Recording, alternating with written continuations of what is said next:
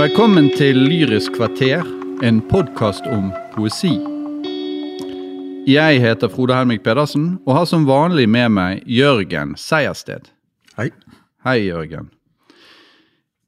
Her diskuterer vi dikt som vi gleder oss over, undrer oss over, og som vi har lyst til å diskutere og dele med dere lyttere. Vi lanserte første episode i påsken med Katrine Heiberg som gjest, men lager allerede nå en spesialepisode om Gullhanen av Olav H. Hauge. Grunnen til det er at det nylig har funnet sted en begivenhet i norsk lyrikkforskning, nemlig at Fredrik Parelius, som holder på med en doktorgrad om bl.a. Olav H. Hauge, sin poesi, har skrevet en skjellsettende tolkning av dette notorisk gåtefulle Hauge-diktet, som sannsynligvis vil bli stående som den definitive lesningen av diktet. Dere kan lese denne uh, utmerkede tolkningen i siste nummer av tidsskriftet Edda, eller dere kan høre på denne episoden av Lyrisk kvarter, hvor vi altså diskuterer dette diktet med Fredrik. Imidlertid skal vi ikke bare snakke om Gullhanen, eh, men skal også ta for oss noen andre dikt som på ulike måter står i berøring med Gullhanen. Og Derfor tenkte vi da at vi mot sedvane tar Fredrik med oss hele veien, for på den måten så å si å kvalitetssikre diskusjonen. Hei, Fredrik. Velkommen. Hallo, hallo, Frode. Ja. Eh, det første diktet jeg tenkte vi skulle ta for oss, er uh, William Butler Yates' 'Sailing to Byzantium'. Um, det er da fra denne samlingen The Tower 1927. Det er en ganske kjent referanse for alle som har holdt på med Gullhanen, men nå diskuterer vi altså det først i sin egen rett. Det er et dikt som er skrevet høsten eller sensommeren 1926. Eh, og så kan vi jo da si om Yates som poet eh, at han er en slags sen romantiker eh, med primære forgjengere eh, som William Blake og Percy Shelley.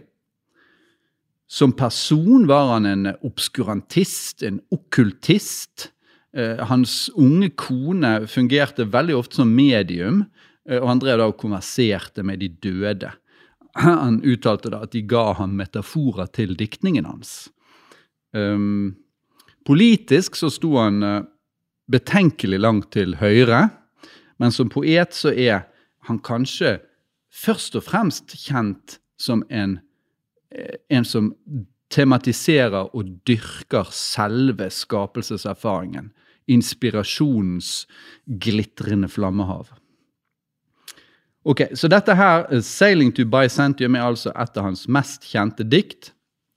Det er jo en åpning som ga opphav til Cormac McCarthys roman uh, 'No Country for Old Men', som dere også sikkert kjenner som en film.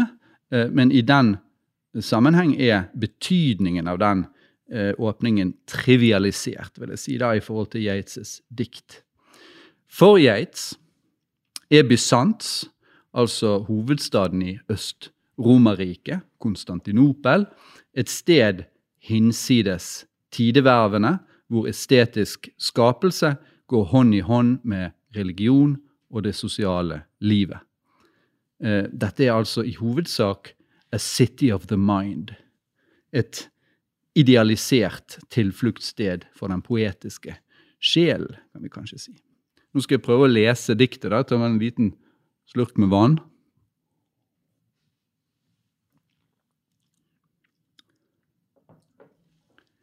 That is no country for old men. The young in one another's arms, birds in the trees, those dying generations at their song.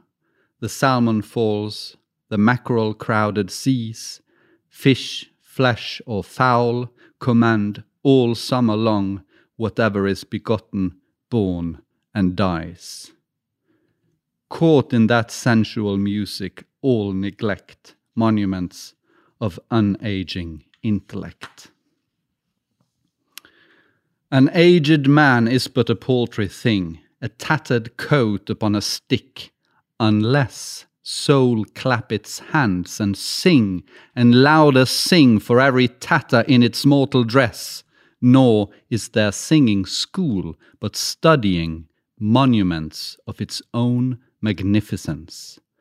And therefore I have sailed the seas and come to the holy city of Byzantium. O sages standing in God's holy fire, as in the gold mosaic of a wall, come from the holy fire, burn in a Gaia, and be the singing masters of my soul. Consume my heart away, sick with desire, and fastened to a dying animal, it knows not what it is, and gather me into the artifice of eternity. Once out of nature, I shall never take my bodily form from any natural thing, but such a form as Grecian goldsmiths make of hammered gold and gold enameling to keep a drowsy emperor awake, or set upon a golden bough to sing to lords and ladies of Byzantium of what is past or passing or to come. Ja. Ja. Ja. Um, ja, vi kan jo Jeg kan kanskje begynne Nå har jeg jo snakket ganske lenge allerede, men, men jeg kan begynne med et sånn kjapt overblikk over hva dette diktet handler om. da. Dette landet i første strofe, det er jo da Irland, kan vi gå ut fra. Og her etableres det da et motsetningsforhold mellom det skapende intellektet, som er gammelt, og det kjødelige, sanselige og erotiske som er knyttet til ungdommen, men, men også da til døden. Um, Jeget eh, det dukker jo først tydelig opp, eller manifest opp, på slutten av andre strofe.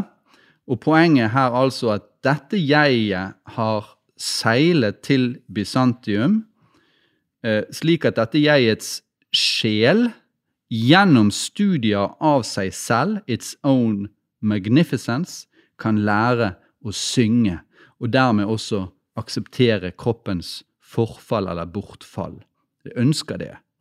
Og, og, og, og så er da poenget, sånn som jeg eh, leser det, at sånne studier som jeg her er snakk om, ikke er mulig i det landet jeg kommer fra, fordi det er besatt av det sanselige, naturlige livets musikk. Hva sier du, Jørgen?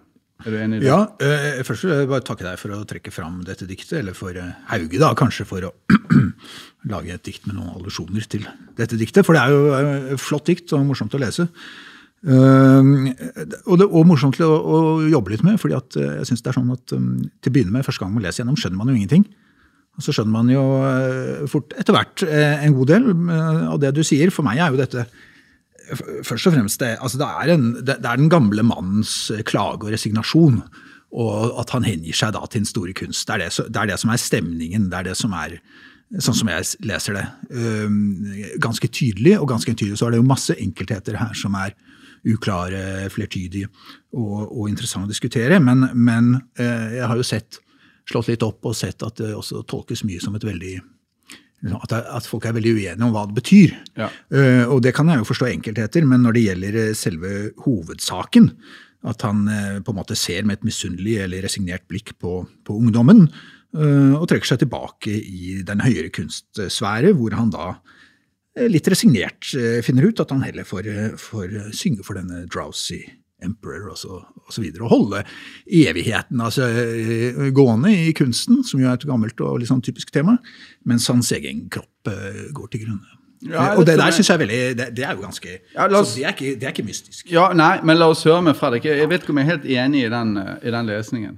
Nei, eh, hva skal jeg si, da? Det, det du ikke nevner der, Jørgen, er jo at eh, diktet har en, en ganske viktig allusjon til Edward Gibbon sin eh, eh, his, eh, Decline and Fall of the Roman Empire, eh, hvor denne gullfuglen eh, dukker opp, og eh, hvor nettopp en sånn eh, mekanisk fugl synger 'Keiseren i søvn'. Vi kjenner motivet også fra H.C. Andersens 'Nattergalen'.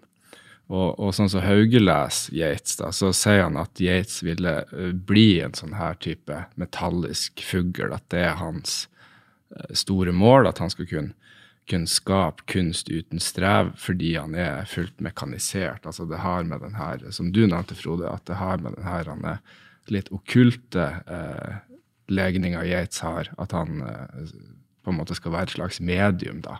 At Ja. han, eh, han er på en måte kun eh, kun det her skallet, kun den her mekanikken, og så skal sangen bare strømme gjennom.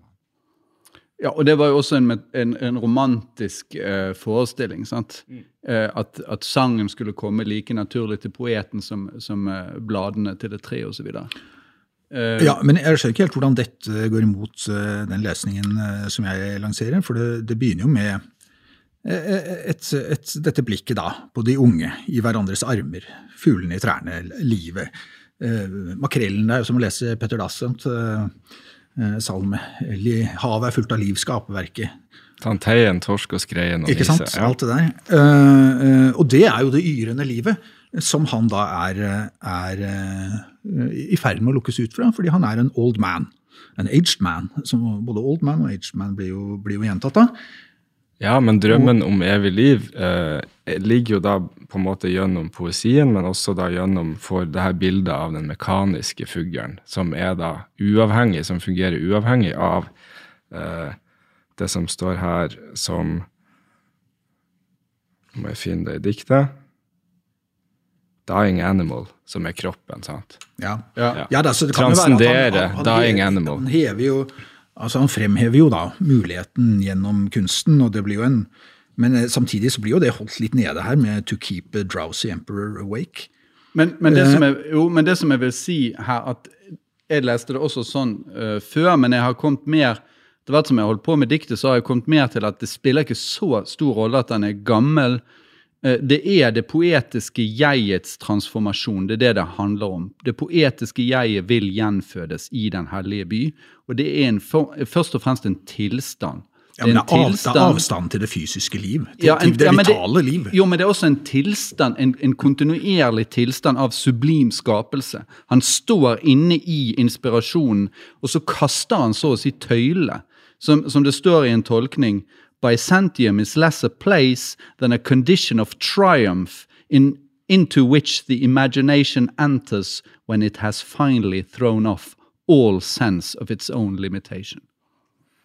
Eh, og da, da er det ikke så viktig at han er gammel. Da er, da er, det, da er det det å være i.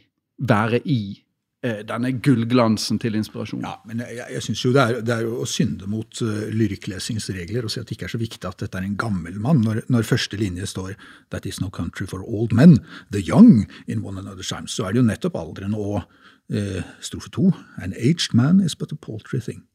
Sånn at det er klart at alderen uh, er jo grunnstemningen, uh, og hvis vi holder fast da på at lyrikk har et element av subjektivitet og grunnstemning som, som definerer lyrikken spesielt, så er det klart at her er det jo alderen som kommer, men, men, men, og, og som fjerner ham fra livet, og så er det da en kompenserende bevegelse inn i kunsten. Eh, Det er vanskelig å altså det er, er ikke det vanskelig å benekte, da? Men, men, men kanskje, kanskje, kanskje jeg uttalte meg litt for negativt om kunsten, for det er klart at den, den framstår jo som, som noe som, eh, som da kan videreformidle dette, denne flammen. da, og Det er jo viktig at vi snakker litt om flammen, siden vi skal videre til Hauge. Selv om Fredrik har jo allerede foregrepet. Han klarte ikke å holde på Hauge mer enn ti sekunder. Men, men eh, her er det jo i strofe tre, da. O sages standing in God's holy fire, as in the gold mosaic of a wall, come from thy holy fire, pern in a gyre. Det må jo vi snakke om litt, kanskje også det pern in a gyre, ingen som skjønner noen ting av før de har slått opp. Eh, Men det er også viktig å peke fram mot eh, Hauge, da, som, eh, som Fredrik har påpekt overfor meg. Ja. Så nå foregriper jeg hans foregripelse. Mm, Så blir det spillet. Men i hvert fall, det er klart at akkurat den der med the holy fire der, at, at han i hvert fall antyder muligheten av at, at det er en sånn hellig flamme som kan komme fram da, gjennom denne, denne, The Artifice of Eternity. Gjennom kunsten, og, og ikke gjennom livet, da. Det er klart. Eh, så, så, så, det er en mulighet for noe stort gjennom den kunsten, men det er og blir i diktets, i diktets utvikling, så å si, så er det jo en, en kompenserende bevegelse. Ja da, jeg, og jeg vet ikke om jeg er så veldig uenig i den utlegningen heller. Jeg, jeg, tror bare det var viktig for meg å fremheve eh, nettopp det her gullfuglmotivet allerede nå, fordi at det er en, en av grunnene til at diktet er såpass kjent. Folk har spurt seg om hvor tar Yates det her fra, og hvor, eh, hva er det egentlig som skjer i siste mm. strofe der. Mm. Og så er det jo eh, også eh, et korresponderende dikt hos eh, Yates som heter, heter bare Bysantium, eh, som også må nevnes i, i samme um, Åndedrag. Ja, åndedrag når vi snakker om det her. Uh, og, det er litt senere dikt. Ja, det er litt senere. Det er fra 1930, men, men der er også flammen ennå tydeligere markert. da. Mm. Uh, og at det å være i flammen og være i denne tilstanden, som du sier, Frode, er det sentrale i, i, i hvert fall i det her Bysantium-diktet. Kanskje ikke like stor grad i seiling til Byzantium. Nei, men det er viktig. Men, Nei, men hvis vi ser på det der, la oss, la oss ta det der 'Come from the holy fire' og 'Pernin Gaia'. Ja. Eh, altså, det han vil Altså, han påkaller da bysantinsk mosaikk i Ravenna. Det er en sånn kjent eh, referanse der. Eh, hvor, det, hvor, man da finner en rekke helgener fremstilt i, i overdådig eh, gullglans. Ja, her vil jeg korrigere deg, Frode, for han påkaller ikke det. Han påkaller The Sages ja, ja, han påkaller The sages. Uh, og så har han jo en, en, en simile som er som de gold mosaic of a wall. Men, det kan enten være poetiske forgjengere eller profetiske. Og her er det jo en sammensmeltning av den profetiske figuren, som kommer i siste, aller siste vers, og den poetiske. Sånn at det er på en måte begge deler som påkalles, det etter mitt syn. Og når han sier da uh, Pern in a Gaia, så henviser jo det til denne A Vision uh, og en del andre dikt av Yates, og egentlig da hans litt sånn okkulte historiefilosofi. Uh, det, det, han opererer med der, det er jo en sånn spiralis, en spiral av En dreining av tidevervene, som er sånne 2000-årssykler og sånn. Men jeg tror egentlig at det viktigste her, det er når vi har den Pern-bevegelsen, som er en sånn roterende bevegelse Det man ser for seg der, er vel at disse sages stiller seg i en ring rundt ham og lærer sjelen hans å synge. 'Singing Masters of My Soul'. Og det er det han Det er utenfor tiden, så å si, dette rommet han entrer her. Det er et tidløst rom. Det hadde ikke de skal. De skal, komme fra den hellige ild, og så skal de rotere rundt i eiet. Ja. Ja, ja. Og vi kan jo se det at Pern her eh, Det er mange mulige tolkninger av det ordet, men et av de gode forslagene er at det har med en slags trådsnell eller spole å gjøre. At de har en bevegelse som snurrer rundt. da. Ja, og som ligner litt på sånn Dante-bilder. Dante det er jo mye Dante-allusjoner hele veien her. sant? Og Gaier er, er, en virvel, da. Ja, ja, det er en sånn, ja. Så man ser for seg en slags sånn eh, flammevirvel hvor de her helgenene eh, sine ansikter eh, dukker opp. Ja, og så er det jo, et, eh, så er det jo i tillegg da eh, en sånn kommentar fra Yates hvor eh, hvor han anser at Bysants, og det er da forskerne litt uenige om hvilket tidsrom i Bysants det er snakk om her, men Bysants rundt like før, uh, like før år, tu, år 1000 uh, anså han som et slags ideelt tidspunkt i historien. Og det er der han hele tiden vil, der han drømmer seg tilbake der som poet. Men, men et slags hovedpoeng i forhold til um, Gullhanen er jo at dette er en positiv drøm for han. Det er en i ett og alt positiv drøm.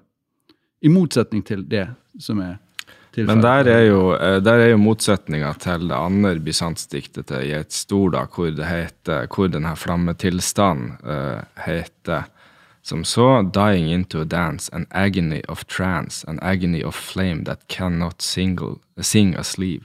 Altså en flamme som ikke kan sette fyr på noen ting. Altså mm. du er en impotent flamme, så å si. Ja. Men, eh, men, det er jo også en allusjon til den brennende busk, da, som ikke skader busken, men som bare er en sånn flamme som oppstår eh, av intet, av Gud eller av jeg.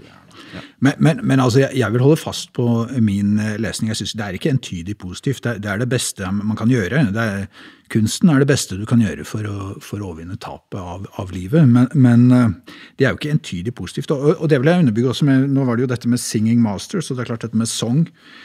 Det går jo gjennom alle linjene her. Det begynner jo der oppe med birds in the trees. Birds de, de synger jo. Og det står jo også The Dying Generations at their song. Eh, og så er det jo louder sing, sing, clap hands and sing videre. Og så er det at, at, det, at denne naturlige fuglesangen blir da erstattet, eh, livets sang blir erstattet med kunstens eh, sang, som er, er, den som man må hente fram da, fra, fra disse mosaikkene osv. Og, og feste i, i, i, i, en sånn form.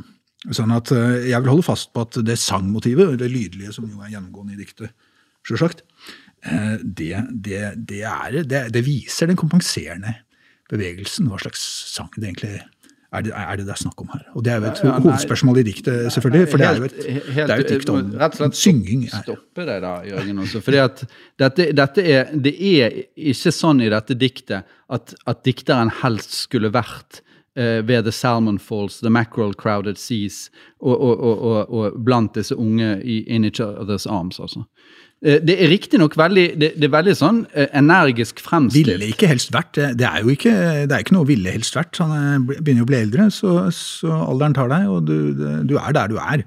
Men det er, det er, jo det han tar utgangspunkt i, er jo dette bildet, observasjonen av de gamle, og at han er ikke is, that is no country for old men. Han kan ikke lenger være der. Det handler om å dyrke den poetiske skapelsen, og det er, det er, og det er en visjonær tilstand. Og der kan han se the past uh, og passing What is past or passing or to come? Og det er en overlegen tilstand, etter mitt syn.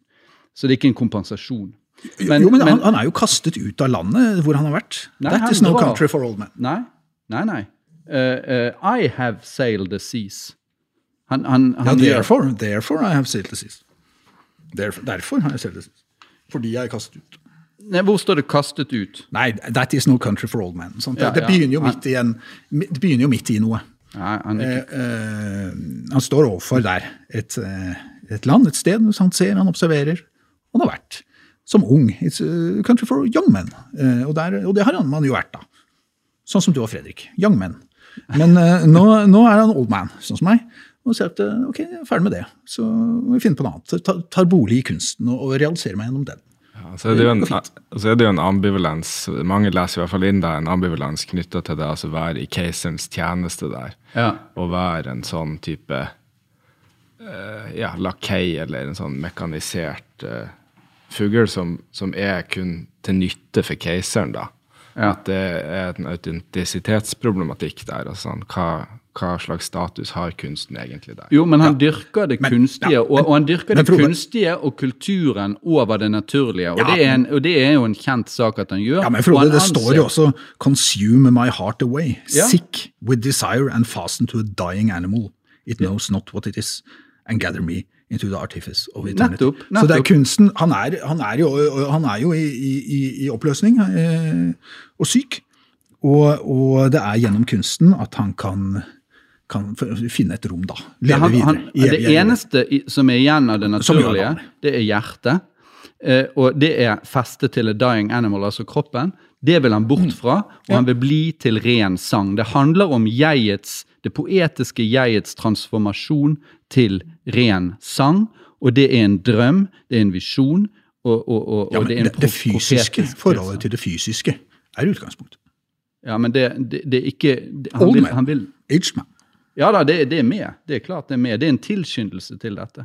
Men dette kunne like gjerne ha vært uh, for en ung poet. Nei, nei, da er vi helt uenige. Absolutt. For det handler om å dyrke den rene skapelsen. Uh, men, men, en liten ting som alltid har fascinert meg med dette diktet, som jeg, har lyst til å nevne, det er jo det derre 'Unless soul clap its hands'. Uh, det er jo et fantastisk bilde. Det er et veldig auditivt bilde. Jeg hører alltid den klappingen når jeg leser det. Eh, det er på en måte et grotesk bilde, hvis du ser for deg hender på, eh, på denne sjelen. Eh, men ifølge, ifølge da kommentatorene til diktet, så er det en allusjon til William Blake, som hevdet da at da broren hans døde, så hadde han en visjon av sjelen til broren da, som klappet i hendene av glede da han steg opp mot himmelen. Ja, sånn at transcendensen er, er, er hele tiden da positivt fremstilt. Etter mitt syn. Men, men. Eh, skal vi gå videre? Ja, Er det juks eller ikke juks å trekke inn alle disse allusjonene og disse andre, andre tingene uh, Yates har skrevet? Hans filosofi og Det er ikke juks. Men, men det, er klart, eh, det er klart at det er et spørsmål Jeg holder eh, meg litt sånn liksom- nykritisk til verket for seg, og der, er- der syns jeg dette er ganske tydelig. Men jeg, jeg er enig i det. Soul Clap Its Hands er jo naturligvis en, en religiøs allusjon. Det er, det er klart. Ja, sånn at, uh, men, men, men å kalle Geits for, for kristen er vel, er vel høyst uh, tvilsomt. Han var en okkultist. Uh, Swedenborg-mann og, og ja, alt dette. Er dere komfortable med å gå videre til Gullhavn nå? på dette tidspunkt? Vi har altså seilt, så å si, da frem til Miklagard ved hjelp av Yates. Og det er stedet hvor Gullhavn begynner, Ja, nettopp. nemlig i Bysants. Så Ja. nå er vi kommet dit. Uh, vi er ikke helt enige om uh, Yates diktet. Har du, har du det diktet ditt, har du, eller Hauges dikt, foran deg, Fredrik? Ja da, jeg kan det utenat, så jeg kan ta det. Du kan lese det ut fra ditt, ditt eget hjerte. Ja. Må unnskylde hvis at det, det lener meg inn i en litt sånn Hauge-parodi her, men jeg skal prøve å unngå det. Ja. Ja. Og jeg var longo død, død i mitt skal, og gol som gullhane i Miklagard. Jeg levde under høyde skurr og svar, og strei mot, men hålt let selv sjels gal. Til drømmen skåk min vak ei festgul natt, så hamen fall og glansen vart til støv. Jeg er i dør i heime, huset søv, og barnehjarta slær att sælt og brått. Jeg stend med hand på klinka inn til mor og far, ser månen skin på slite gulv. Du vart så lenge, kjem det, uten ord. Bak rømd i røyre sorg i tungt sin kolv, så slepte drøven meg i gullsmidd jord, for keiseren eg atter gol og svor. Takk. Det er altså en sonette og står i diktsamlingen Seint rådner skol, skog i Juve, som kom i 1956. Rodna betyr rø, rø, blir rødt. Ja, altså skogen som står i, i juve, blir rød, bladene på den blir røde senere enn Ja. den andre skogen, Ja. som står mer eksponert til. Nettopp. Ok. Eh, og eh, det, det, det jeget vi møter her, da, det er jo et jeg som har vært død lenge. Det er jo noe som er noe av det som slår an dette litt veldig underlige stemningen i dette diktet. Ja, død lenge eller død en gang for lenge siden. Der er jo tolkninga av ordet longo litt eh, åpen. Ja, du leser det som ha, har vært død en gang i tiden. Ja, og Men har nå lever det igjen. Ja, Ja. Som seg sjøl. Ja. Og at jeg da har vært eh, på en måte undertrykt eller skjøvet til side i en sånn grad at det opplever seg som dødt, og i stedet det har vært en sånn eh, en annen identitet som er den her gullhanen, det er gullhane-jeget. Mm. Du Fredrik, jeg vil spørre deg, eh, jeg leste jo den eh, artikkelen, synes jeg var kjempegod. Jeg har jo, det er jo veldig mange som har diskutert Gullhanen. Og, og du bringer virkelig en god del nye ting da, eh, på bordet der. Men akkurat den der diskusjonen om Longo har, jeg sett eh, før, eh, en del av i hvert fall. Og, men jeg har aldri helt skjønt nyansen der, med, med at jeg var død for lenge siden, og jeg hadde vært død lenge.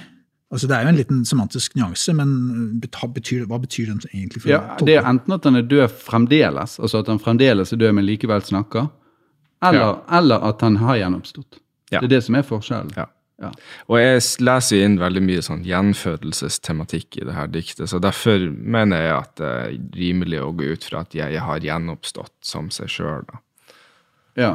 Og det går jo også litt i, i retning av hvor lesninga mi havner hen, da. At den havner i en sånn form for biografisk eh, eh, diskutere noen biografiske forhold til slutt. da, at det, jeg, jeg leste det jo litt som en sånn galskapstilstand, den her gullhane, det her gullhane-jeget, og at jeg da gjenoppstår som seg sjøl, og da er i stand til å utse det her diktet.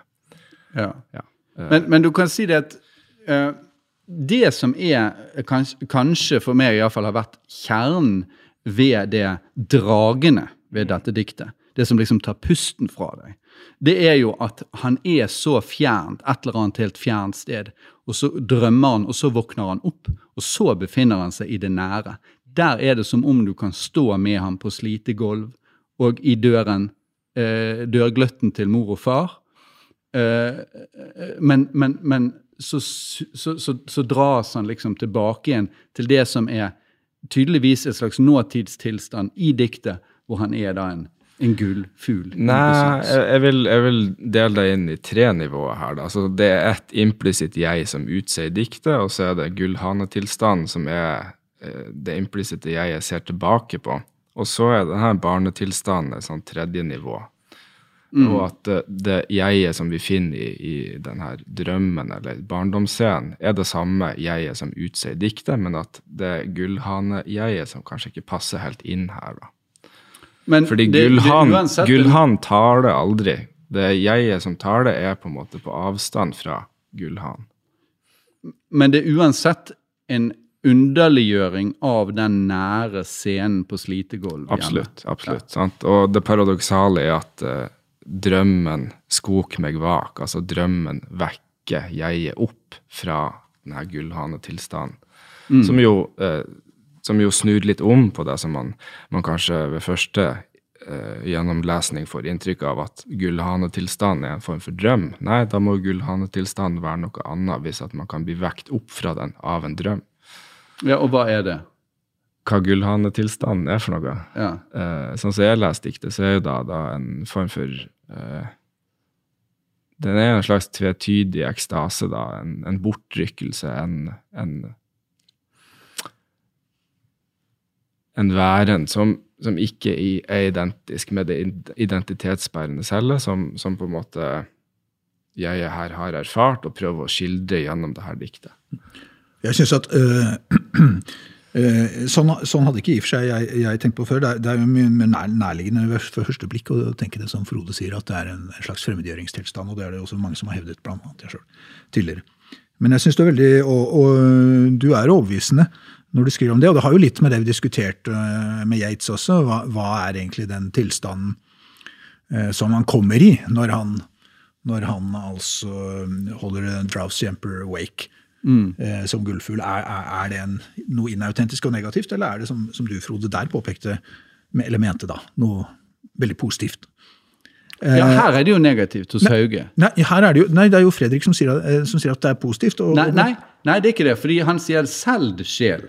Det er det som er la- poenget til Høyre. Ja, La meg, la meg ta La, la, la han klare opp i det. La, Ja, ta en liten sånn eh, Selv, ikke sant? ja. La oss være litt pedagogisk også. Ja, ja, for, ja. for jeg tror kanskje vi kan si det sånn at jeg har prøvd å lese det her diktet lenge, og, og egentlig ikke hadde lenge ikke nok på blokka til å, til å føle at det bar en hel artikkel eller noe, noe særlig avhandlingskapittel eller noe sånt. Så lesninga lå lenge til modning. Og et slags gjennombrudd, et første gjennombrudd, kom når jeg, når jeg stilte meg sjøl spørsmålet hva, hva er det egentlig hva er det de gåtefulle punktene her? Hva er det jeg ikke forstår? Ja. Og, og da kom jeg frem til Jeg kan bare at bryte inn eh, at Det der er jo en lekse til oss alle. og det er På nytt og på nytt når man, når man eh, leser dikt, så er det en tendens til å hoppe over det litt vanskelige. Så bare leser du videre, Men det er ofte, veldig ofte der nøkkelen ligger når du, når du jobber mer med det. Og det er, det er, Din lesning er et veldig godt eksempel på. Ja, Unnskyld. Ja, nei, sant, så øh, Jo, takk for det, for så vidt. Eh, Og da fant jeg tre punkter som jeg, som jeg Altså, syns diktet var leselig, bortsett fra tre punkter som jeg måtte grunne mye på. Og det var det her med selv, sjel, skal, det ene punktet. Og så er det fest, gull, som er det andre punktet. Og så var det gullsmidd jord, som var det tredje punktet. Og gullsmidd jord var ganske enkelt. Da, da kom faktisk eh, en eh, ganske overbevisende løsning på det. Den gåten kom gjennom et enkelt ordboksoppslag. Sant? Hva er en jord for noe? Jo, det er eh, et prydbelte, men det kan også være remmer eller seletøy til en hest, og begge de konnotasjonene gir mening i diktet, som vi kanskje kommer inn på senere. Men det her med selv sjel, da, som, som, er, som, er, særlig viktig her, det er noe Hauge er inne på, på i andre dikt også, i, og i de andre diktene der, så, så, er det ganske tydelig at det her handler om en tilstand, ikke en monetær transaksjon. Altså Det handler ikke om å selge sjelen sin for penger, sånn som hos Faust, men det handler om å være selv. Og det her å være selv, eh, hvis man slår opp det ordet i ordbøker eller ser på Hauge sine analytikk, så, så, får man da eh, et litt sånt gåtefullt og tvetydig ord. Eh, men man får en mening på det, sant? Eh, og det betyr da å være bortrykka enten eh, i betydninga fortapt, men det kan også være fortrylla eller henført. Så det har en sånn dobbeltsidighet som passer veldig godt sammen med, med sånn som diktet fremstår for oss, som en litt tvetydig Altså at det, det å være gullhane har en tvetydig status. Det er både grusomt, men, men det, det, jo, det, kan også være fantastisk. Det er jo det samme vi kranglet om hos Yates. Ja. mener jeg. Så det passer jo egentlig veldig bra. Men hvorfor lyder den uh, sjelens gal hult? Ja, jeg leser jo det som at det her er og det peker jo tilbake på, på den allusjonen som diktet åpner med. Diktet åpner med en allusjon til uh, den norrøne teksten 'Balders mm. hvor Volva, eh, som blir vekt opp igjen fra de døde av Odin, eh, sier 'Jeg var drivig med dogg', snøvi med sno, snjo, død var jeg lenge. Ja. og, og Hauge parafraserer det til 'Jeg var lang og død'. Mm. Um, ja. og, og, derfor lyder det hult i min lesning, da, fordi at det her er en dødningerøst. Altså som en uh, volve, som en spåkone som har en sånn form for uh, Ja, som hos Yates, da. At det er et medium som snakker med en hul stemme, ikke sin egen stemme, men en besatt stemme. Ja, ok, men så, Sånn at den selde sjel den er, det er en, en tvetydig tilstand fordi at det ikke er entydig ekte inspirasjon? Jo da. Eller? Men det er forferdelig og fantastisk å være der samtidig. Altså, det, en, en pri, det, er en, det, er en, pris å betale. Og det er galskap? Det er galskapstilstanden. Ja. Ja. Det er slik du leser og den, ja. og den prisen å, å, betale er jo det som viser seg i den barndomsscenen, da, at man blir fremmedgjort fra det nære, fra mor og far. Ja. Men da kan du ta dette med 'Festgull natta', siden det er neste vers. Ja, sant? Altså, og som du er inne på, så er jo diktet berømt fordi det gjør det her spranget sant? mellom den første og andre kvartetten, hvor mm. Eh, man går fra selv sjelskal til denne oppvåkninga i drømmen i den femte linja her, altså første linje i andre kvartett. Og, og, etter mye jobb med diktet, så var det siste som sto igjen, da, som det gåtefulle punktet, var det her ordet 'festgul natt', som jeg ikke kom til bunns i. Jeg prøvde å slå opp i ordsamlinger fra Hardanger, jeg prøvde å søke i Nasjonalbiblioteket sitt arkiv. Jeg har rådført meg med forskjellige folk som både kjente Hauge og folk fra Ulvik. Og det her med festgul natt' er ikke noe, noe de kjenner til, sånn at det er en neologisme, det er et nyord her. Mm. Uh, og da var strategien videre var at de prøvde å se om Hauge har hatt noe annet type lignende ordbruk i noen andre dikt. Og det jeg finner, er jo da at, at ordet gul ofte konnoterer flamme. Ja. Sånn at da den sammensetninga med fest og flamme eh, pekte jo da for meg i retning av Jonsok, et Jonsok-motiv, og at det her barndomsscenen kan knyttes til et Jonsok-motiv. Og, eh, og at ordet festgul natt, at drømmen som skok meg vak er festgul natt, at denne litt spesielle natta, den peker da fremover i diktet, ikke bakover. Fordi de fleste tidligere fortolkere har jo tenkt på det her som som noe som har med Miklagard å gjøre. At det festgule har noe med Miklagard å gjøre. sant? Absolutt. Mm. For, den, for Miklagard er en, en, en, by full av gull. Ikke sant. Ja. Gullmosaikk, det glitrer, og, ja. og sant, vi ser for oss uh, gullhanen som reflekterer det, det, gule lyset og sånn. Men, uh, men, for meg så, så jeg kjøpte ikke helt den, litt fordi at jeg ikke fant noe sånn konkret. Etter mye jobbing med Hauge, så, så merker jeg jo da at veldig ofte så er de gåtefulle punktene knytta til noe helt konkret, til en allusjon eller noe sånt. Og, og, det var da jeg da da hadde mistanke om hva tilfellet her, og leita mye etter Jonsok-motiver i litteraturen, før jeg kom på tanken at kanskje det ikke er et litterært Jonsok-motiv, men at det kan være fra billedkunsten. Og da var veien kort til Nikolai Astrup sitt bilde 'Jonsok natt' eh, fra 1911, hvor nettopp eh, 1912, unnskyld. Hvor nettopp det forekommer en sånn liten gutt og en, eh, et sankthansbål som har form som en hane. Ja, og, og det, det legger vi ut, dette bildet, på nettsiden, sånn at dere kan gå inn og så se på det. Og der går det ganske klart frem at flammene til Jonsokbålet danner en hane. Lignende form. Ja. Ja. Og da sitter en, en mørk barnesilhuett foran bålet, og eh, en nærliggende lesning av bildet, hvis vi kan kalle det, er jo da at det er gutten som har en slags visjon, eller som har en slags, et slags syn hvor denne hanen tar form. At det er maleblikket og gutteblikket som former hanen. Det, Ja. det, det folkene som står rundt bålet nede, nede ved vannet, ser ikke han. Det trenger vi malerblikket eller guttens blikk for å se. Og der er han lenge, Ja. sant? I, i denne Jonsok-natten. Og dermed så lager du en liten fortelling Ja, ikke sant? Og da eh, om hvordan han kommer for sent hjem. Sant? Du vart så lenge, bare at det er uten ord der, riktignok. Ja. Og at uh, Min tanke er jo her da at uh, jeg syns I min lesning så ser jeg på Gullhanen som et dikt som er satt sammen av mange allusjoner. Eh, det sannsynliggjør jo også at, eh, at det her kan være en, en, en allusjon til eh, Eller en, et, et ekfrastisk nikk, har jeg kalt det, til, til Astrup sitt bilde.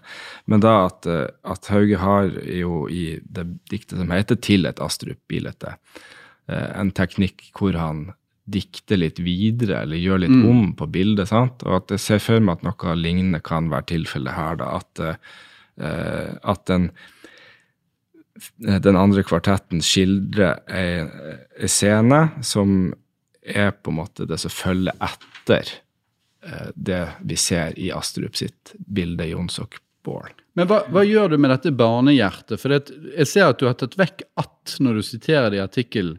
Eh, Og jeg har hele tiden lurt på om det er 'slår igjen' eller 'slår igjen'. ja. Det må, Som å slår igjen som en dør som lukker seg, eller slår igjen, begynner å slå.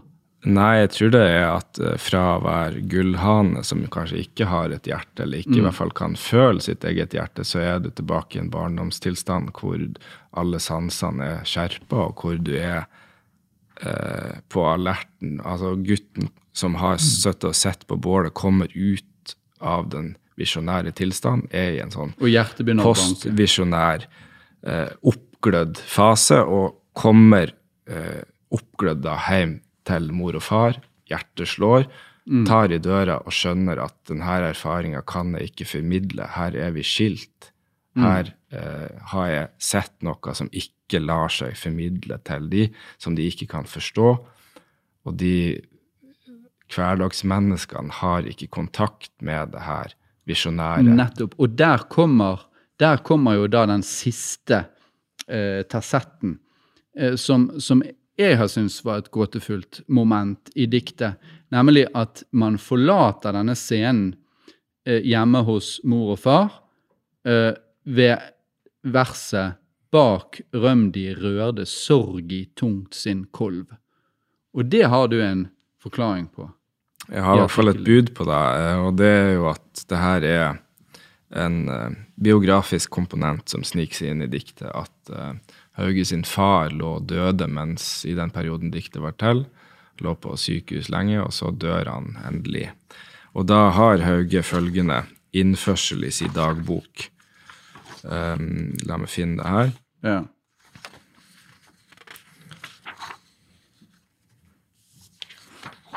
Jeg kan bare si at kolv det er jo da et ord som er beslektet med kølle og kolbe, men som er da en metallstang inni en klokke som får den til å ringe. Inni kirkeklokka. Ja, Ja. i kirkeklokken. et, et, et motiv som Hauge er veldig glad i. Kolv og klokke.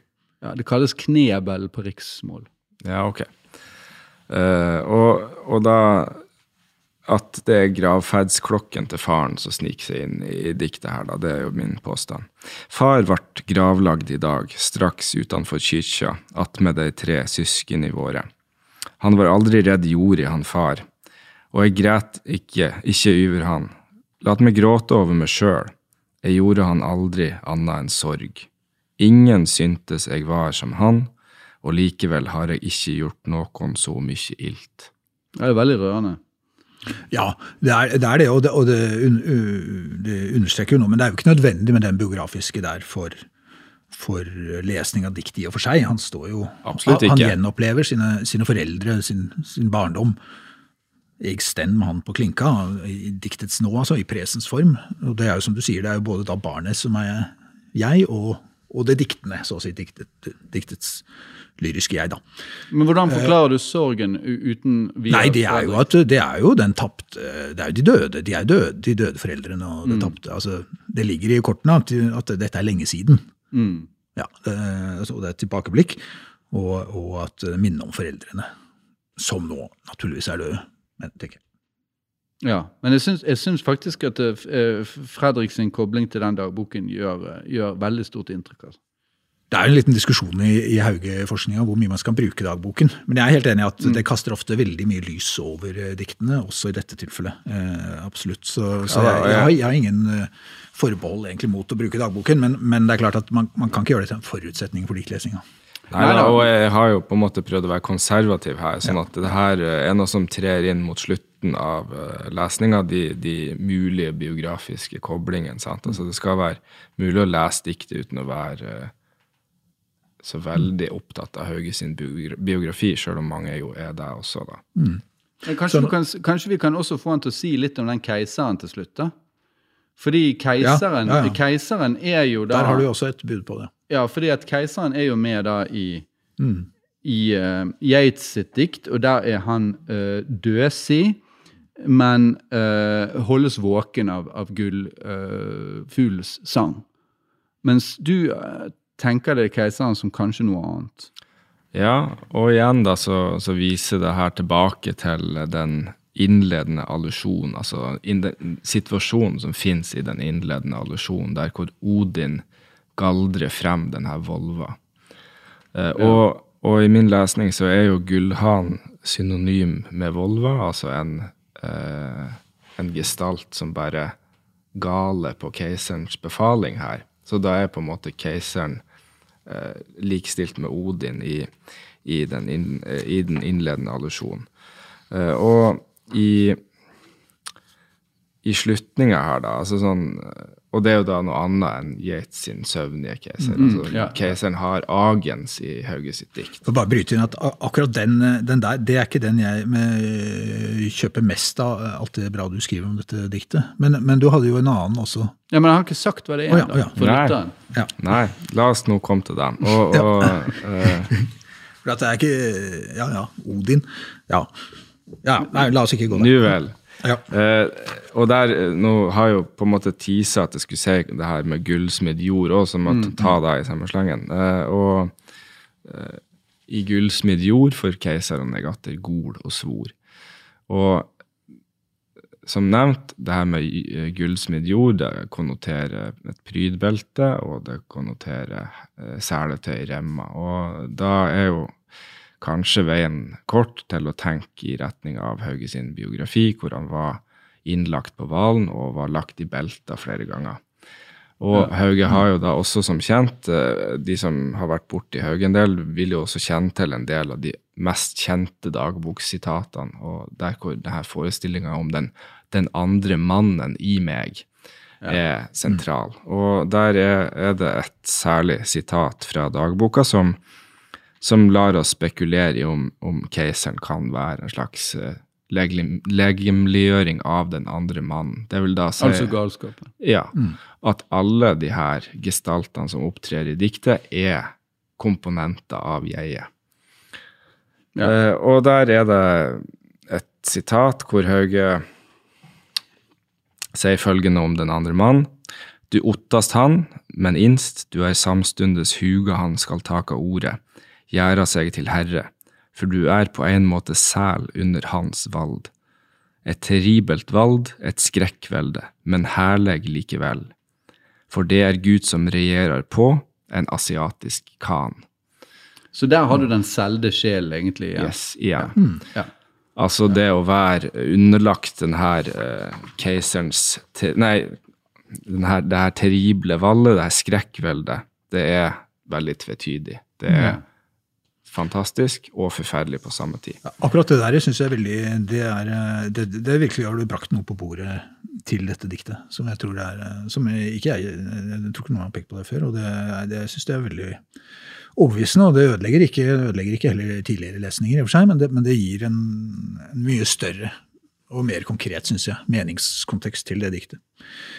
Og det som, eh, Du, du sa en ting om gullhanen, at, at det var Odin, men, men jeg føler en annen ting som jeg tenkte Nei, nei, nei, keiseren er Odin. Gullhanen er Volva. Ja, Volva, og derfor Ja. eh, Men- låter gullhanen hult. Det er Riktig. mitt. Men det er en annen ting som jeg synes er veldig viktig i din lesning, da, som, som du får frem, nemlig at gullhanen er jo også da ilden. Sånn at ilden, som vi var inne på, the fire, eh, som jo da er et sentralt symbol for, for den kraften, energien, som driver han som dikter, og som han dikter fram. da.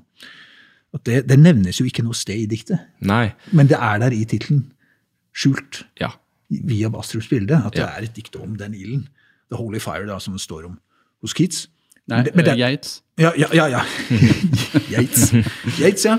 Men, men, men eh, men eh, Ja, det er ikke nevnt sånt, men, men det er likevel eh, det som på en måte ligger Ja, og, og det er kanskje det- noe også av det, det der berømte spranget som vi har vært inne på, men også det at gullhanen her egentlig handler om noe unevnelig. sant?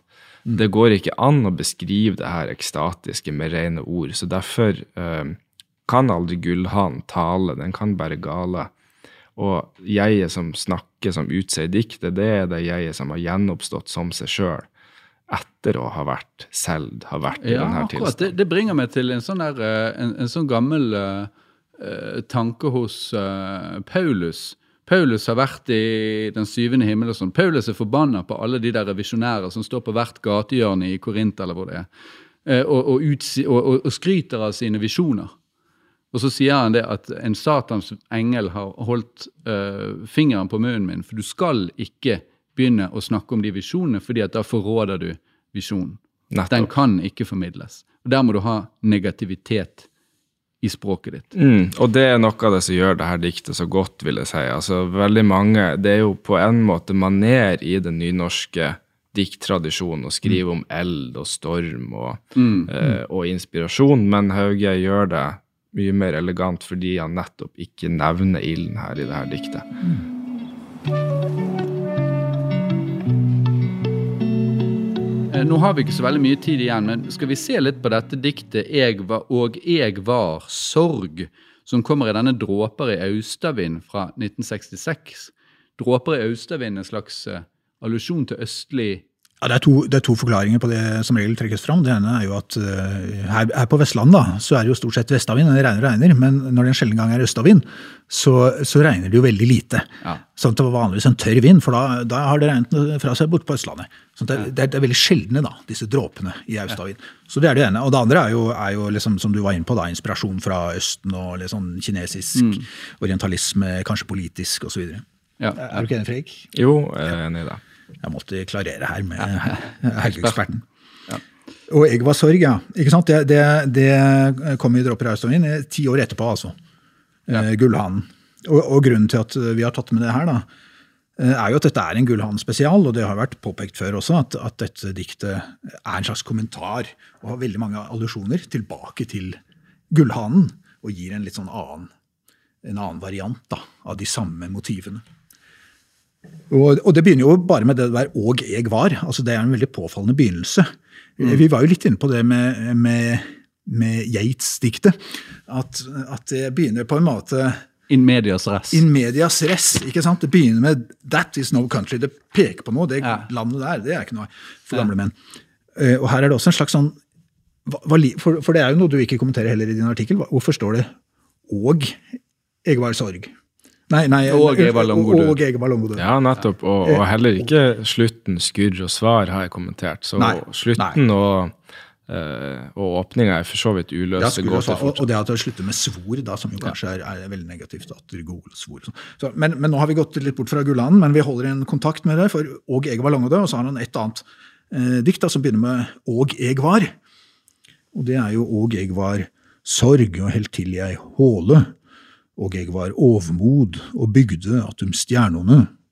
Nå bygger eg i næraste treet, og om morgenen når eg vaknar, trær fura gull på nåli. Så kort er det. Mm. Eh, og som sagt, det er, det er jo ikke liksom blant de store Hauge-diktene, men, men det er jo litt typisk. Dråper Raustadin har jo mange sånne korte, konkrete eh, dikt. Og eh, i tillegg til den med den direkte allusjon da, som ligger i dette 'og jeg var', så, så vil jeg jo også si at også her er jo sentralsymbolet unevnt. Det kom jeg til å tenke på da jeg leste eh, Fredriks artikkel. Eh, og det sentralsymbolet som, som er nevnt egentlig i, hos Yates, nemlig fuglen. Det er fuglen som er jeg her, og det står jo 'nå bygger jeg i næreste treet'. Så, så det, det, er, det er den levende fuglen, dette. Det er ikke gullfuglen, men det er, det er fuglen som bygger rede i treet, som er det unevnte jeget her. eh, Som også da er en eh, klisjé, ikke sant? Men, men som er til stede unevnt. Så han bruker på en måte det samme, det samme teknikken akkurat for det. Og så er det jo det, hvis vi leser dette som en fortolkning av Gullanen, så vil jeg si at den kanskje motsier litt grann, eh, den overbevisende lesningen da til Fredrik, for der er det jo og jeg var sorg, og helt til jeg håle. Og det er noe med dette hålt let selvsjelska, altså han snakker fra en, en hule, han er liksom. Ja, det er flere Hauge-dikt som er inne i, i berget eller i Ja. fjellet og, og snakker ut derifra. Og, ja, riktig. Og også, men også rom, og også litt sånn, og det med kolv og klokke som var inne, det er også slags, klokken er også et slags rom i noen dikt. Men det er, det er noe sånn. Men jeg var sorg, altså, så da, er- da er jo sorgen eh, veldig tydelig. Og jeg var overmot, så det er jo en moralsk på en måte kommentar til den tilstanden. Det mer eksistensielle, kanskje, eh, alvoret som, eh, som knuget ham for ti år siden, og bygde attum stjernene, som det står eh, der. Nei, jeg tror du må forskyve det hele litt. Sånn, Bak eh, Rømdi, på en måte. Ja, jeg tror du må forskyve, eh, forskyve tidslinja litt, fordi, fordi Hauge i 56 er nok ikke sorg. Det er Hauge på Ja. 20-tallet som er sorg. Ja, ok. Og den, eh, den Hauge som er overmod, det er den Hauge som, som prøver å slå gjennom som dikter på eh, slutten av 30-, starten av 40-tallet, og skriver i den nynorske tradisjonen, hvor nettopp symbolene er nevnt, hvor den her teknikken som han senere finner, ikke er eh, Han har ikke den ennå, han har ikke lest nok til å bli den Hauge han ble. Og Hauge på 50-tallet er inne i en veldig sånn vekstfase. Han leser utrolig mye og, og tar til seg veldig mye nytt på denne tida. Og, eh, og jeg vil jo si at eh, egentlig fra under bergfallet i 51, allerede der ser vi at Hauge er på en måte på vei bort fra den her eh, sorg og overmot, som, som han jo også beskriver i, i diktet til Shelley, f.eks. Men ikke dette, kan ikke dette også leses som et galskapsdikt? Hvor, hvor, han, hvor han får en sånn byer. Han, han skriver i dagboka at han får, får de her byene hvert femte år, eller noe sånt. Og så er det en situasjon hvor han ikke blir innlagt, men at han havner i kjelleren. Det er i 66, ja. Ja, Før, før Dråp og. Omtrent på denne tiden. sant? Og han ligger i kjelleren, og der er han sorg, og der holder han til i en håle. Det er kjelleren. Og der driver han og bygger atomstjernene. Det er galskap. Eh, og så våkner han til neste dag. Da er, da er verden helt forandret. Da er trærne fulle av gull, og da er, da er alt det er et annet, en annen verden. Går ikke det an å lese det sånn? Jo, det går an, og det er i hvert fall i tråd med at den postvisjonære tilstand for Hauge alltid er sel. da, altså Ja. Den er helliggjort, den er, det er det beste stedet å være. Men jeg lurte litt på den siste verset. for det at Du leste det som et furunål for gull på seg. Ja, det er Men, morgenen men, som står opp. tre, jeg, jeg trodde det var trær en gulltråd gjennom en synål, og så, og så kan du bygge med det. Ja, det var det jeg mente. Ja, Altså, jeg skrev jeg tre, sa jeg trær? Trær? Ja, altså du, at Trær, enten, så det, enten så er det furunålene som blir av gull, eller så er det en synål med en gulltråd. Eh, ja. Jeg trær en fura Jeg trær fura gull på nåli, altså en slags tråd av gull, på min synål. Og så syr jeg og bygger at ja. Nei, det er Fura er subjekt, sånn som jeg leser det. Fura trer gull på sin nål. sin nål. ja. Men blir det en synål? Eh, Blir det en slags ja, det er en furunål, da, som, eh, som eh, også blir en slags synål. ja. Ja, Mm. ok. Eh, ikke sant? Så, men det er jo tilbake, det er jo naturen, ikke sant? så da er det jo tilbake til naturen. Det er naturen her som så å si skaper kunsten. Apropos Men er det, Da, det- da er vi er på fugl Til en gran og Wergeland, plutselig. Ikke sant? Vi er Ja. tilbake, så, så da er jo morgenen når jeg våkner, ikke sant? Som, som, som de eh, ja, profilistene og sånn skriver også om det våkner, våkner denne morgenen, og så, og så videre. Eh, sånn at Jeg leser dette som en slags sånn antidikt, altså nærmest en kommentar til Gullhanen. Hvor dette er nå det konkrete, og det er eh, i det nære, og det er i naturen. Og Men det er en fugl hele tiden som snakker, Ja, en som også en ek- er en sorg, En ekte fugl. som Så- også er sorg som- og helt til i en håle. Det er en fugl. Uh, nei, ja, jeg var sorg. Uh, jeg var overmot. Uh, nå Nå er en fugl jeg en vanlig Nå er jeg en vanlig, naturlig fugl. Bygger i tre, gleder meg over de nære ting, og den eh, estetikken, den skjønnheten som oppstår, den, eh, den oppstår i Kan naturen du, selv. kan du nevne en Ikke av meg sjøl. Så det er, sånn, det er et antidikt til, til, til Gullhanen. Sånn Og, og til Sailing to Byzantium. Ja, så Ja. Jeg er veldig uenig i deg, egentlig, for, for de Hauge sine på en måte, De diktene hvor han tar den her gammel mann-posituren, annet 'Hverdag', som er jo et kjent Hauge-dikt. Uh, ja, det går an å altså, Før var han eh, storm, og før var han uh, overmot, sånn som i det her diktet, men, men nå steker han flesk og, og, og steller i hagen, liksom. At, uh, ja, og nå, nå har han funnet, avfunnet med at det er den her eh, tilstand som, som er levelig. Det går an å leve i hverdagen òg, men det er jo en lengsel der tilbake til det stormfulle og til det ekstatiske, Ja. sjøl om det her er Ja, og bygge atomstjerner. Ja. Og uh, vil jeg jo si at uh, en, en annen tolkning av åpningslinja som du siterer her, eh, i 'Og jeg var i sorg', eh, er jo at det er en, eh, en Platon-referanse. At det er den type hule han holdt til i. Og så har han vært oppe og kikka på de egentlige tingene, vært og tatt på idéverden eh, og brent seg da, og, og falt ned på jorda igjen. Og så, og så kan man jo legge merke til at dette er allegorier, og det er det jo ikke i Gullhanen. Nei. Eh, sant? Å være sorg, å være hovmod. Eh, allegorisere seg selv. Eller jeg. Forrige episode da snakket vi eh, om eh, Tor Jonsson, eh, og vi snakket om hans siste dikt, som, eh, som vi eh, var eh, enige om var et slags selvmordsbrev i diktform. Eh, men så er det et, en, en gullhane-connection også kanskje det. Eh, hos Tor Jonsson. Jørgen. Eh, ja, ikke sant? Det var jeg tenkte det kunne være litt artig å ta med det, for det var jo egentlig da vi, da vi eh, holdt på med og det forrige, og velge dikt til det, til det forrige, så, så leste jeg jo litt gjennom eh, Jonsson her og der, og, og kom over dette her slite gulv og, og, og litt som Fredrik, bare i mindre grad, så, så har jeg og egentlig alle som holdt på med norsk lyrikk, eh, eh, ja, sittet og tenkt en del over Gullhanen og mulige allusjoner og kommet med forslag her og der.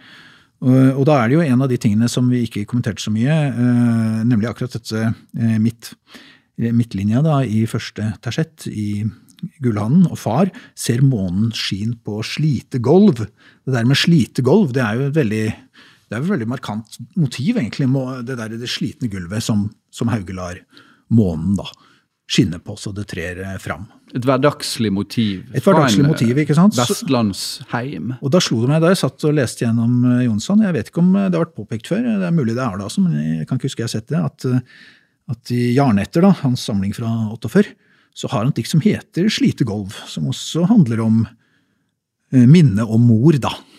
På en veldig mye mer konkret uh, måte, kan du si, enn det er hos uh, Hauge. Men som også uh, åpner med Jeg kan lese det, lese du fort gjennom, har du tid til det? Ja da, vi, vi leser det, og så kommenterer vi det kort. Ja, Det er altså ikke fordi dette er blant Jonssons beste dikt. Det er litt ordrikt, litt for tydelig, litt moralsk, litt sentimentalt osv. Men, men det er kanskje ja, Vi kan jo i hvert fall spekulere om det er noe Hauge kan ha lest og blitt litt inspirert av. eh, slite gulv. Einkvann har vekt opp den døde røynd innafor denne dør. Er det en gud som har gått her før? Slitne kvistar, blanke og harde, kuvar seg opp som i trass mot tida. Tankene her er rare. Du som gikk her og lo, du som gikk her og gråt og gråna, kvar er ditt blod? Er det i meg, som ein fattigdomsarv, og klårar mitt syn? Er det du som kvarv, og lærde meg sjå eit tempel bortafor hav av tid, ei underleg hildring over eit dyrehi? Lagnaden svinga sin kasteskolv, liv er borte som agner i vinden, att er eit utslite golv. Men kven har båret så tung ei bør med såkorn til oss i dag? Fattige kvinner har gått her før. Ja, men Den siste verselinjen er litt tvilsom, da. Men du- vet at i den tredje verslinjen er det en gud som har gått her før. Nei, det er ikke en gud, det er fattige kvinner har gått her før. Ja. Så det er et antimetafysisk, antireligiøst eh, på en måte. Det begynner med en metafysisk spekulasjon, og så ender det, ender det med det. Så det Veldig tydelig slått fast, da. ja, ja, veldig tydelig slått fast. Så, men det som slo meg, var jo egentlig Det er, det er denne ganske sterke altså Det er allerede av åpningen noen har vekt opp den døde røynd. Ja. Altså Han er tilbake i, i det der minnet, Ja. som, er, som er en død virkelighet, som nå står klart foran. Som en slags drøm, da. eller Og bildet på virkeligheten er det slite gulv. sant? Ja, ikke sant? Og det, blir, det er ikke sant? eh, det slite golv som her blir veldig litt mer slitne kvister, blanke og harde, kuer seg opp som i trasmotia. Altså det er, hvorfor er gulvet slite? Det er jo fordi mor har skurt og skurt, sant? Og mens de harde kvistene de står litt opp av det Ja. gamle, slitne, hvite tregulvet. da. Ja. Så det er et veldig sanselig, konkret bilde med en veldig sånn sterk, da, og her litt sentimental, mors, mors eh, refleksjon. da. Ja, ja, ja. Jeg syns det, synes det virker rimelig å tenke at Ja eh. Hauge kan ha lest. Og, og det er jo også ganske lett å, å sjekke hvis man søker i Hauges i boksamling som er digitalisert, eller du kan i hvert fall få opp titlene på bøkene han har eid. Ja. Så det kan man sjekke. Eh, men innafor denne dør altså, uh, Jonsson er jo her da på innsida, der Hauge sitt barnegjerd står med handa på klinka inn, og ikke tar skrittet fullt inn, da. Eh, men, eh, men jeg, har, eh, jeg har tenkt på det at eh, Jeg har vel i artikkelen kalt Gullhann for en mosaikk av allusjoner. Mm, Ja. Og tenker litt på det at man må jobbe med det diktet litt som man jobber med, med Elliot's The Wasteland. Altså, man må bare gå ut ifra at her er nesten hver linje har sin korresponderer med et eller annet som Hauge har lest. Og, og at uh, slitegulv også er et sånt punkt, det, det holder for ganske sannsynlig. ja. Ja. Men, men samtidig vil jeg advare mot én ting. for Da jeg leste den linja 'Lagnaden svinga sin kasteskolv', så tenkte jeg ja, ja der har vi vi har jo bak rømdyr øyrer sorg i tungt sin kolv. Ja. Men, men litt eh, basic filologi lærer oss at en kasteskolv har ingenting med en kolv å gjøre. Nei, det er en, spa, en slags spade. Ja, En slags sånn så, såspade, en liten sånn hvor du kaster korn utover. Ja, Så kolv og skolv eh, må vi ikke blande sammen. Men, men samtidig er det dette Coleridge ville kalt for et sublimt bilde, fordi, og, og litt imot det du sa om det kosmiske. For der blir jo, I dette bildet så blir jo hvert enkelt sånt eh, såkorn eller korn som ligger i denne skolven, blir jo et liv som bare kastes og spres utover. sant? Og da får du et sånt veldig sånn uh, det store og det lille type sug uh, som, som kan, kan ha en sånn sublim effekt. Som speiler igjen spørsmål om Gud i linja der, ja. Men apropos det du sa, Fredrik, om, om å stå med klinka på døra. Det er jo en diskusjon i Haugeresepsjonen om, om den døra er åpen eller ikke inn til foreldrenes rom. Ja da. Så vidt jeg husker, og, og- og det samme er det jo her på Slitegolv. Eh, Einkvann har vekt opp den døde røyen innafor denne dør. Ja, det er så sant. tenker Det er han seg inn i. Han står ved døra. Er den åpen, er den ikke åpen? Tenker han seg inn i rommet, eller åpner han døra og ser inn i rommet? Altså, Jeg følte det sanselige peka i retning at her var vi på innsida og kjente på kvistene og så på lukta. Ja, nettopp. Ja. Ja. Jeg tror at vi eh, avslutter denne podkasten, denne episoden av Lyrisk kvarter. Vi sier tusen takk til Fredrik, Sjøl takk. Og gleder oss uh, naturligvis veldig til å lese avhandlingen hans, hvor vi regner med at alle disse mulige og umulige allusjonene i Hauges Gullhan kommer frem. Og så, uh, Jørgen, så uh, får vi bare rett og slett finne ut hvilke dikt vi skal ta neste gang. Det har vi foreløpig ikke bestemt. Men vi er tilbake om en måned. Greier. Ja. Vi ses. Vi ses.